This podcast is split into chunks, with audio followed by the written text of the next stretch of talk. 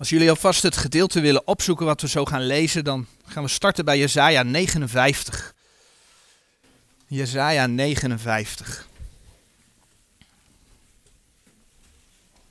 De laatste keer dat we bij gebed stilstonden, dat is een aantal weken geleden. Toen zagen we dat de Heer graag gebeden wil worden. We hebben gezien dat de Vader, dat we de Vader mogen aanbidden in de naam van de Zoon. En enerzijds is het goed om daar vaste momenten voor te hebben, om echt stille tijd te houden. Aan de andere kant laat de Heer zien dat we continu in contact met Hem mogen staan. En dat vraagt Hij eigenlijk ook van ons. Eigenlijk mogen we continu met Hem in gesprek zijn, ons richten op de Heer. Doe alle dingen samen met Hem. We zagen dat schuldbeleidenis een belangrijk onderdeel is van het gebed. En uh, ik kondigde die keer al aan dat we, als we de volgende keer over gebed zouden spreken, dat we zouden kijken naar gebedsbelemmeringen. Dat gaan we vandaag doen en ook vandaag zullen we zien waarom juist die schuldbeleidenis zo van belang is. Verder mag je de Heer danken, mag je de Heer loven, mag je de Heer prijzen. En je mag je smeekbeden tot Hem richten. Voor jezelf, maar zeker ook voor de ander. En dan spreken we over voorbeden. Nou zagen we al eerder dat een gebedsverhoring niet altijd betekent dat je ook krijgt wat je gevraagd hebt. Als we iets krijgen, dan zeggen we heel gauw, de Heer heeft ons gebed verhoord. Maar soms is het juist zo dat als je iets niet gekregen hebt, dat de Heer je gebed ook verhoord heeft. Hij hoort naar je, hij luistert naar je. Maar het wil niet altijd zeggen dat je krijgt wat je vraagt. Hij weet wat goed voor je is. Maar het is ook goed om te, om te zien dat er situaties zijn, en daar waarschuwt de Heer voor in zijn woord, dat hij je gebed niet kan horen. Ja, God laat zelfs zien dat hij je soms niet wil horen. En dat is heel goed om daar uh, ja, besef van te hebben. En daar willen we vanmorgen bij stilstaan. En dan beginnen we met het lezen van een gedeelte uit Jesaja 59. Jesaja 59. Vanaf vers 1. Zie de hand des Heren is niet verkort, dat zij niet zou kunnen verlossen. En zijn oor is niet zwaar geworden, dat het niet zou kunnen horen. Maar uw ongerechtigheden maken een scheiding tussen uw lieden en tussen uw God. En uw zonden verbergen het aangezicht van uw lieden, dat hij niet hoort. Want uw handen zijn met bloed bevlekt en uw vingers met ongerechtigheid. Uw lippen spreken valsheid uw tong dicht onrecht. Er is niemand die voor de gerechtigheid roept en niemand die voor de waarheid in het gericht zich begeeft. Zij vertrouwen op ijdelheid en spreken leugen. Met moeite zijn zij zwanger en zij baren ongerechtigheid. Zij broeden basiliscus-eieren uit. Basiliscus, dat, dat gaat over een gevaarlijke slang. En zij uh, weven spinnenwebben. Die van hun eieren eet moet sterven en als het in stukken gedrukt wordt, er berst een adder uit. Hun webben deugen niet tot klederen en zij zullen zichzelf niet kunnen dekken met hun werken. Hun werken zijn werken der ongerechtigheid en een maaksel des wrevels is in hun handen. Hun voeten lopen tot het kwade en zij haasten om onschuldig bloed te vergieten. Hun gedachten zijn gedachten der ongerechtigheid, verstoring en verbreking is op hun banen. De weg des vredes kennen zij niet, en er is geen recht in hun gangen. Hun paden maken zij verkeerd voor zichzelf. Al wie daarop gaat, die kent de vrede niet. Daarom is het recht, is het recht verre van ons en de gerechtigheid achterhaalt ons niet. Wij wachten op het licht, maar zie er is duisternis. Op een grote glans, maar wij wandelen in donkerheden. Nou, dat is nogal wat als je dat leest. Wat er geschreven staat. En ja, natuurlijk is dit gedeelte in het Oude Testament in de eerste plaats gericht aan het volk Israël. Het volk Israël dat in, in zonde leefde. Daarom kwamen de profeten en moesten waarschuwen. Het gaat dus over Israëls zonde die een scheiding maakte tussen Israël en de Here. Waardoor de Here niet meer naar hen hoorde. Dat hebben we in vers 2 gelezen. Als je een kind van God bent, dan behoor je tot de gemeente. Als gemeente zijn we verlost hebben we de verlossing reeds verkregen. Maar dat neemt niet weg dat de Heer in de brieven aan de gemeente zegt dat Israël ons als voorbeeld is gegeven. Alles wat over Israël is opgeschreven, is ons als voorbeeld gegeven. En staat er zelfs bij in 1 Korinthe 10 vers 6 tot en met 11, opdat wij geen lust tot de zonde zouden hebben. Zo zien we hoe Paulus, als je in Romeinen 3 gaat kijken, vers 15 tot en met 17, een deel van de versen van Jesaja 59 daar ook citeert. En laten we niet vergeten dat we nog niet zo lang geleden, begin dit jaar, hebben we stilgestaan dat we weliswaar als kind van God verlost zijn, maar dat we het nog steeds nodig hebben om Gods vergeving te zoeken. We hebben het nodig om onze zonde te beleiden, omdat we anders niet in gemeenschap met de Heer kunnen leven. Dan, dan is die relatie weg. Aan de hand van 1 Johannes 1, vers 5 tot en met 9 hebben we daar toen bij stilgestaan. En 2 Korinthe 7, vers 1 zegt dat we ons moeten reinigen van alle besmetting des vleeses en des geestes. Dus van dat gedeelte wat aan Israël gericht is, daar kunnen wij van leren. als kind van God ben je verlost. Maar als je weet dat de Heer in zijn woord over sommige dingen anders denkt, sommige dingen die je gedaan hebt, dat Hij daar anders over denkt, maar je denkt, ach, en je vraagt er geen vergeving voor, en je legt het naast je neer en je gaat gewoon door, dan kan de Heer niet naar je luisteren, dan wil de Heer niet naar je luisteren. En ja, als we daarover nadenken en weten wie de Heer God is aan de hand van zijn woord, dan is dat eigenlijk ook logisch. God is heilig. God kan geen zonde zien. In hem is geen zonde. De zonde kan bij hem niet komen.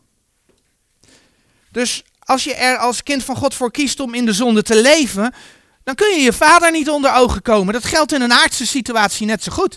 Als je als kind een fout maakt, dan moet je dat eerst wel herstellen ten opzichte van je ouders. Als je een fout maakt tegenover je ouders, moet je dat tegenover je ouders herstellen. Moet je sorry zeggen. Nee, hè, Jezaja 59, de eerste verse, dat hebben we net gelezen. Nee, de hand des Heren is niet verkort. En nee, zijn oor is niet zwaar geworden dat het niet zou kunnen horen. Het eerste vers van Jezaja 59. Maar je zonden zorgen ervoor dat je relatie met de Heer, je gemeenschap met de Heer niet in orde is. Je zonden zorgen ervoor dat de Heer zijn aangezicht van je verbergt en je niet hoort. In 1 Petrus 3 vers 12, en dat vers dat zoeken we even op. 1 Petrus 3 vers 12. Daar lezen we. Want de ogen des Heren zijn over de rechtvaardigen en zijn oren tot hun gebed. Maar het aangezicht des Heren is tegen degene die kwaad doen. Of als we doorbladeren naar 1 Johannes 3, vers 22. 1 Johannes 3, vers 22.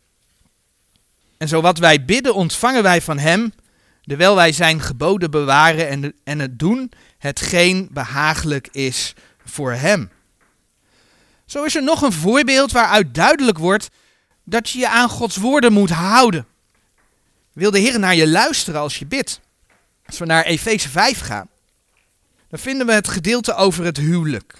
Over de verhouding tussen man en vrouw. En dan lees je in Efeze 5 vers 22. Niet zo populair vandaag de dag, maar het staat er geschreven. De Heere God zegt het, dat de vrouwen hun mannen onderdanig horen te zijn. Staat in Efeze 5 vers 22. Maar in Efeze 5 vers 25 lezen we dat de mannen hun eigen vrouwen moeten lief hebben, zoals de Heer Jezus zijn gemeente lief gehad heeft. En zichzelf voor haar overgegeven heeft. Als je dat in je achterhoofd houdt en dan kijkt naar wat er in 1 Petrus 3 vers 7 geschreven staat. 1 Petrus 3 vers 7. Gij mannen insgelijks, woont bij haar met verstand aan het vrouwelijke vat als het zwakste, eergevende, als die ook mede-erfgename der genade des levens met haar zijt, opdat uw gebeden niet verhinderd worden. Wat staat er? Opdat uw gebeden niet verhinderd worden. De Heer vraagt in zijn woord om je vrouw lief te hebben. Als je dat niet kunt opbrengen, als het misgaat en je beleidt het niet, want we mogen met alles naar de Heer toe. We mogen alles beleiden. Hij heeft het voor ons weggedragen. Maar als je het niet beleidt, en je gaat erin door, opdat uw gebeden niet verhinderd worden. En die lijn kun je doortrekken. Ik bedoel, vrouwen, Ben je aan je man onderdanig? Dat vraagt de Heer ook in zijn woord. Efeze 6, vers 1. Kinderen, ben je gehoorzaam aan je ouders? En zo zijn er natuurlijk veel meer voorbeelden te bedenken. Het mag duidelijk zijn dat de Heere God je gebed wil verhoren. Wat nogmaals niet altijd betekent dat het antwoord ja is. Maar de God wil naar je luisteren, wil je verhoren. Maar hij luistert naar je als je leeft tot eer van zijn naam. En als je ook zijn woord leest en onderzoekt. En als je dan dingen tegenkomt, dat je die dingen ook opruimt. Dan luistert de Heer naar je. Zo laat de schrift zien dat er nog een aantal situaties zijn die gebeden kunnen verhinderen, kunnen belemmeren. De vorige keer zagen we dat gebed niet, iets, niet zoiets is als een snoepautomaat. Waarin mensen met hun gebed, als het ware, je stopt er iets in en je drukt precies op de knop die jij hebben wilt en woeps, dat rolt eruit. He, dus waarin mensen met hun gebed, als het ware, iets van God claimen. Dat gebeurt heel veel vandaag de dag. Zo werkt het niet.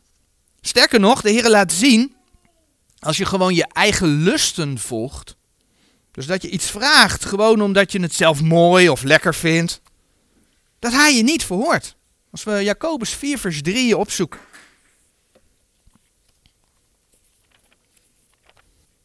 Jacobus 4 vers 3. Gij bidt en gij ontvangt niet, omdat gij kwalijk bidt, opdat gij het in uw wellusten doorbrengen zoudt. Dus de vraag die je bij het bidden kunt stellen is, zijn de redenen waarom je bidt wel eerlijk? Ben je bezig met het verzamelen van een schat op aarde? Of ben je bezig met het verzamelen van een schat in de hemel? Waar bid je voor? Die tekst van die schatten die kun je vinden in Matthäus 6, vers 19 en 20. Bid je op grond van beloftes die de Heer geeft in zijn woord. Dat je zegt, Heere, u heeft beloofd. Een andere reden waarom de Heer gebeden niet verhoort, is dubbelhartigheid. Een bladzijde terug ongeveer, Jacobus 1 vers 8. Daar staat geschreven. Een dubbelhartig man is ongestadig in al zijn wegen. En dan staat dat in de context, hè, Jacobus 1 vers 6 en 7, van twijfelen. Als je op grond van Gods beloftes bidt, geloof je hem dan ook op zijn woord? Geloof je die belofte? Of twijfel je eraan? Twijfel je eraan dat de Heer zijn woord gestand doet? En vervolgens, als je het gelooft, leef je er dan ook naar?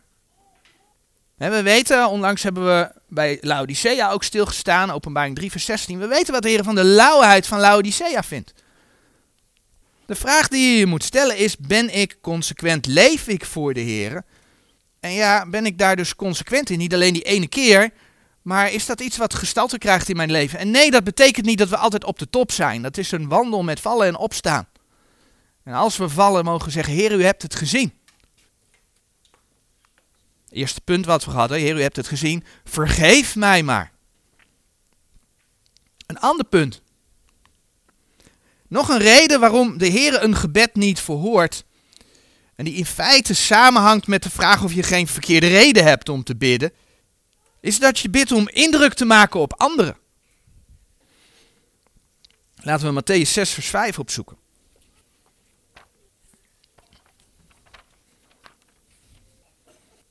Matthäus 6 vers 5.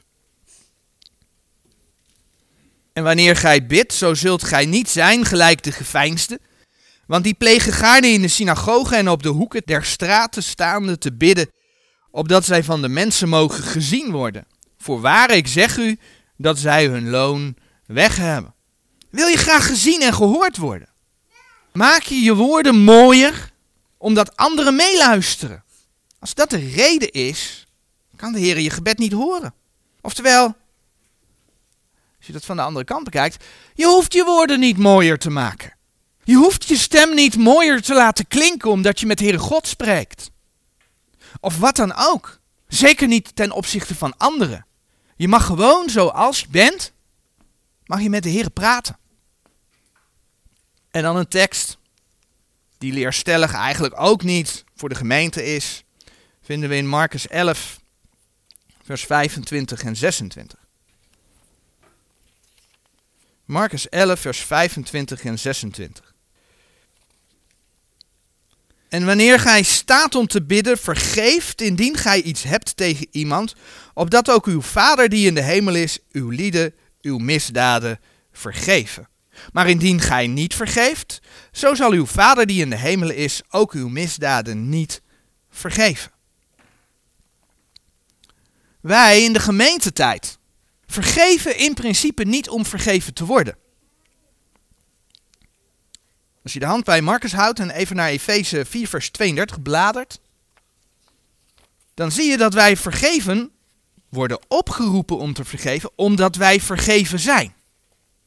Dat is een heel groot verschil. Dat wij vergeven om door de Heer vergeven te worden. Of dat wij vergeven omdat we vergeven zijn. Efeze 4, vers 32. Maar zijt jegens elkander goede tieren, barmhartig, vergevende elkander, gelijke wijze ook God in Christus u lieden vergeven heeft. Dat is een leerstellig verschil. Maar nou heeft er iets plaatsgevonden. En jij wil niet vergeven, terwijl de Heer in zijn woord vraagt om vergevingsgezind te zijn. Dan ben je dus ongehoorzaam aan Gods woord, want je wilt niet vergeven. En dan ga je eh, tot de Heer in gebed. En je beleidt je zonde niet. Denk je dan dat, dat de Heer de relatie kan herstellen? Omdat jij niet vergevingsgezind bent? En dat dan die relatie weer open is? Nee, dat kan niet. Zo zien we dus dat Marcus 11 vers 25 en 26 leerstellig niet op de gemeente van toepassing zijn, want we zijn vergeven en we worden opgeroepen om te vergeven omdat we vergeven zijn. Tegelijkertijd in geestelijk opzicht zit daar ook zeker wel een boodschap in. Want hoe kunnen wij in gemeenschap met de Heer leven als we niet vergevingsgezind zijn? Dat kan niet. Dus ook voor ons geldt die opdracht om elkaar te vergeven als er dingen zijn. En dan is er nog een reden. Dat er eigenlijk geen reden is waarom je niet verhoord wordt en wat er toch wel mee te maken heeft. En daarvoor gaan we naar Jacobus 4, vers 2. Een hele voor de hand liggende. Als je niet vraagt, als je niet bidt, kan de Heer je ook niet verhoren. Daarom vraag de Heer. Jacobus 4, vers 2 zegt: Gij begeert en hebt niet. Gij benijdt en ijvert naar dingen en kunt ze niet verkrijgen. Gij vecht en voert krijg, doch gij hebt niet, omdat gij niet bidt. Ja, de vraag is dan, waarom bid je niet? Waarom vraag je niet? Vraag je niet omdat je de Heer niet gelooft dat Hij kan geven. Hij kan alles. Geloof je niet dat de Heer zijn woord gestand doet? Dus als je op grond van Gods beloftes kunt bidden, waarom bid je dan niet? Dat zijn de vragen die je dan kunt stellen. Dus bid, vraag de Heer. Alleen, als we dan kijken naar de punten die we gehad hebben, laat het niet je eigen wellust zijn.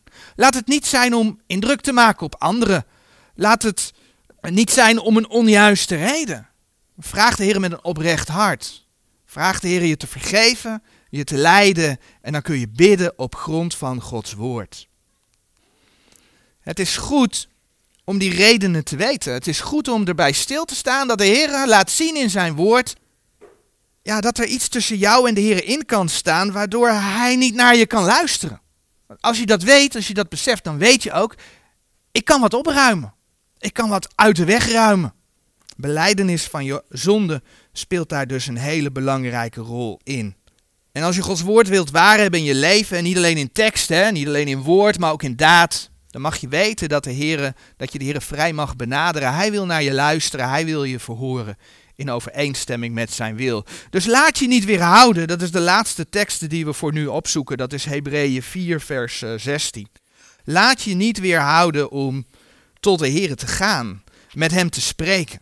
Hebreeën 4, vers 16 zegt: Laat ons dan met vrijmoedigheid toegaan tot de troon der genade, opdat wij barmhartigheid mogen verkrijgen en genade vinden om geholpen te worden te bekwamer tijd. Amen.